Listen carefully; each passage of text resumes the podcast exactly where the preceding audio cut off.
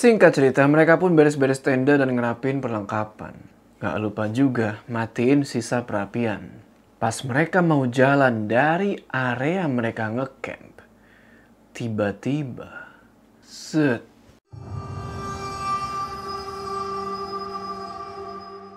Assalamualaikum teman-teman, balik lagi sama gua Joe dan balik lagi sama jaket kesayangan gua. Apa kabar kalian semua?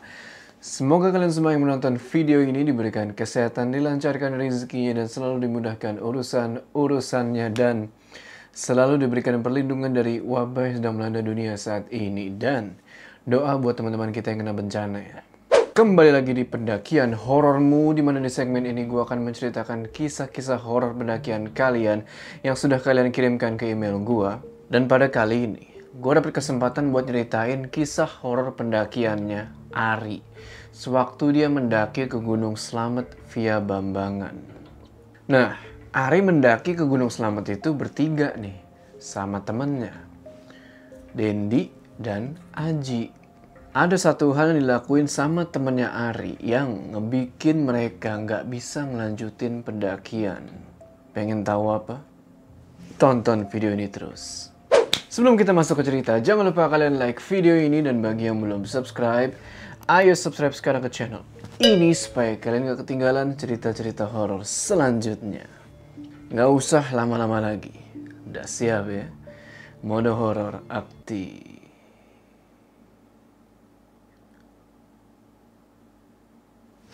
Jadi Ari, Dendi, dan Aji lagi libur kerja selama kurang lebih seminggu. Nah, suatu hari, sewaktu Ari lagi tidur, tiba-tiba pas dilihat, ternyata itu telepon dari Aji. Yang pada intinya, dia ngajak Ari buat ke tongkrongannya mereka. Oke lah, Ari tutup telepon itu dan dia pun pergi ke tongkrongan yang dimaksud. Sesampainya di tongkrongan, ternyata di situ ada Dendi juga. Nah, Dendi ini bener-bener pemula dalam hal pendakian. Dua orang itu ngajak Ari buat mendaki ke Gunung Slamet. Mereka sodorin tuh gambar Gunung Slamet. Ini loh Gunung Slamet. Ditawarin gitu, Ari pun nggak iyain buat ikut naik. Singkat cerita, hari pendakian pun tiba nih. Dan mereka semua sepakat buat kumpul di tempatnya Aji. Dari tempatnya Aji, mereka berangkat ke base camp Bambangan dengan menggunakan sepeda motor. Mereka sampai base camp itu kalau nggak salah jam 11 siang. Nggak pakai berlama-lama mereka pun langsung ngurus pendaftaran, packing ulang, dan segala macam. Tapi mereka nggak langsung naik tuh. Mereka istirahat dulu sebentar. Baru pada jam 2 siang, dimulailah pendakian. Dari base camp menuju ke pos 1 itu makan waktu kurang lebih buat mereka satu jam. Setibanya mereka di pos 1, mereka istirahat sebentar selama kurang lebih 10 menit. Belum ada apa-apa di situ. Cukup istirahat, mereka pun melanjutin perjalanan ke pos 2, Pondok Lawang. Sesampainya di pos 2, si Dendi tiba-tiba ngambil sebuah batu yang ujungnya itu lancip Terus dia pakai batu itu buat ngegambar sesuatu di pohon. Kata dia sih, cuman buat kenang-kenangan aja. Kalau mereka bertiga pernah naik ke gunung itu. Menurut gua, apa yang dilakuin Dendi ini agak nggak faedah ya. Bukannya nggak boleh gores-gores pohon.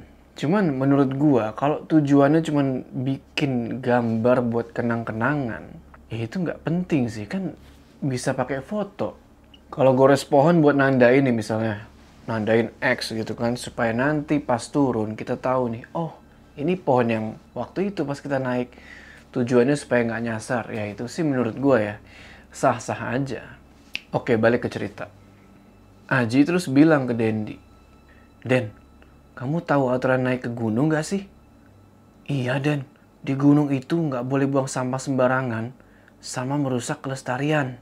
Ari terus narik tangannya Dendi dan ngajak dia buat lanjut jalan. Baru mereka ngelangkain kaki dengan niat buat menuju ke pos 3. Tiba-tiba, wah, si Dendi mendadak perutnya sakit. Terus dibuka lah itu bajunya Dendi kan. Buat ngeliat ada apaan sih. Ternyata perutnya Dendi ini memar. Memar kayak merah kebiru-biruan gitu lah. Ari nanya. Loh, Den, perutmu kenapa? Gak tahu, Ri. Tiba-tiba sakit aja tadi. Eh, pas dibuka udah memar. Ari terus olesin lah tuh minyak gosok kan ke perutnya Dendi. Dan alhamdulillah nggak lama kemudian setelah digosok itu perutnya Dendi udah agak mendingan, nggak terlalu sakit kayak sebelumnya. Setelah itu mereka pun melanjutin pendakian. Sekitar jam 5 sore, mereka sampai di pos 3 Pondok Cemoro. Lumayan lama, karena mereka banyak istirahat di sepanjang perjalanan. Secara, ya kalian tahu lah, perutnya Dendi lagi bermasalah. Di pos 3 itu, lagi-lagi Dendi ngambil sebuah batu yang ujungnya itu lancip. Dan kalian tahu apa yang dia lakuin selanjutnya?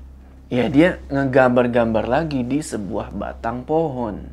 Ari sama Aji cuma bisa melongo ngelihat kelakuan temennya yang kayak gitu. Ari yang agak emosi bilang, Goblok, kamu itu bisa dibilangin gak sih Den? kamu mau tubuhmu makin parah ntar. Aji ini emang orangnya agak sensitif lah sama hal-hal seperti itu. Apa mungkin memar-memar yang dialami Dendi ada hubungannya dengan perbuatan dia yang ngegambar-gambar di pohon? Ngedenger itu, si Dendi terus ngebuang batu lancip yang dia ambil tadi dan mereka pun ngelanjutin perjalanan.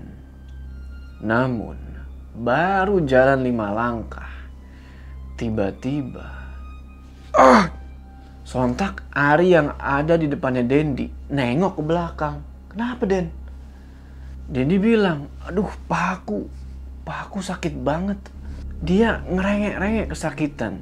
Aji terus mijitin pahanya Dendi dan bilang, hmm, kan udah dibilang tadi, jangan ngerusak kelestarian di gunung ini. Karena kalau ngelepas celana agak ribet, Aji terpaksa ngerobek sedikit celananya Dendi supaya pahanya dia itu bisa diolesin minyak. Nah, pas dirobek dan dilihat, ternyata Den, pahamu, pahamu, pahanya Dendi itu memar juga. Dan warnanya itu udah biru banget. Lebih biru daripada yang di perutnya. Pas Dendi ngeliat ke pahanya sendiri, dia langsung pingsan. Akhirnya Ari dan Aji pun ngegotong Dendi ke pinggir. Dan mereka berdua pun mau nggak mau bangun tenda di situ. Secara hari udah mulai gelap. Dan nggak tahu kenapa kok mereka ini nggak ketemu pendaki lain. Singkat cerita, jam setengah delapan malam, sehabis sholat isya, Ari sama Aji lagi ngumpul di perapian yang mereka buat. Di situ, Akhirnya Dendi sadar. Cuman pas Dendi sadar itu, di saat yang bersamaan, kedengeran suara. Akan kubawa anak itu. Akan kusiksa sama seperti dia merusak tempatku. suara itu kayak persis di telinga. Cuman nggak tahu siapa yang ngomong. Ari sama Aji yang ngedenger itu. Cuman bisa saling tatap-tatapan. Gak lama kemudian, Denny pun keluar dari tenda dan ikut mendekat ke perapian. Ari terus nanya, Gimana? Udah enakan? Udah sembuh belum memarnya? Belum, Ri. Masih biru nih. Makanya, kalau dikasih tahu itu, dengerin. Iya, iya, maaf. Setelah itu mereka pun makan-makan dan ngopi di situ. Sekitar jam 10 malam, mereka semua pun masuk ke dalam tenda. Nah, pas mau masuk ke dalam tenda, tiba-tiba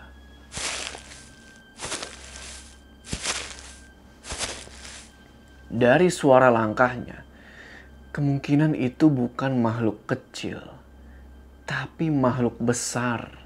Spontan, mereka ngarahin senter ke arah sumber suara itu, yaitu ke arah hutan. Dan di situ, lu mau tahu apa yang mereka lihat? Bayangan hitam besar. Sosok itu nggak kelihatan jelas, cuman tingginya itu ada kali 2 meter dan samar-samar kelihatan ada bulunya. Aji sontak bilang, maaf bah, maafkan teman saya. Lalu tiba-tiba sosok bayangan hitam itu ngeluarin suara. Serahkan anak itu, akan kusiksa dia. Ampun bah, ampun. Aji terus komat kamit kayak yang lagi baca doa. Mungkin buat ngusir makhluk itu dan untungnya gak lama kemudian makhluk itu hilang. Tapi diiringi sama angin berhembus dan bau busuk. Bener-bener nyengat. Setelah semuanya udah kondusif, mereka pun masuk tenda dan berusaha buat tidur. Besok paginya, sekitar jam setengah enam, Ari kebangun. Dan dia terus ngebangunin dua orang temennya tuh. Pas mereka bertiga semuanya udah bangun, mereka pun berniat buat ngelanjutin pendakian ke pos 4 Samarantu. Singkat cerita, mereka pun beres-beres tenda dan ngerapin perlengkapan. Gak lupa juga matiin sisa perapian. Pas mereka mau jalan dari area mereka ngecamp, tiba-tiba, set, Dendi kerasukan. Pas Dendi kerasukan itu, keluar suara dari mulutnya. Akan kubawa anak ini. Aji dengan sigap langsung baca doa buat nyadarin Dendi. Dan alhamdulillah si Dendi bisa sadar.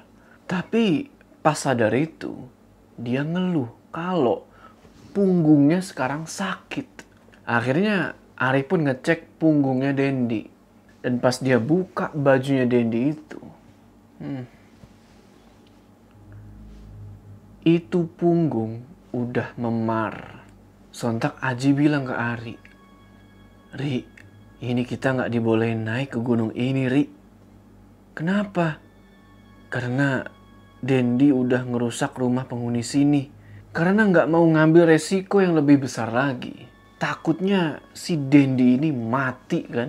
Secara baru sampai pos 3 aja udah begitu. Mereka pun mutusin buat nggak ngelanjutin pendakian. Turunlah mereka semua tuh. Pas mereka mau turun, lagi-lagi Dendi ngeluh. Kalau kali ini badannya sakit semua. Pas dicek ternyata seluruh badannya Dendi itu memerah. Kayak habis kena sengatan lebah. Akhirnya buat pengobatan sementara, Ari sama Aji pun ngolesin badannya Dendi pakai minyak gosok itu. Dan terpaksa Dendi ini digendong karena kondisi dia nggak memungkinkan buat jalan.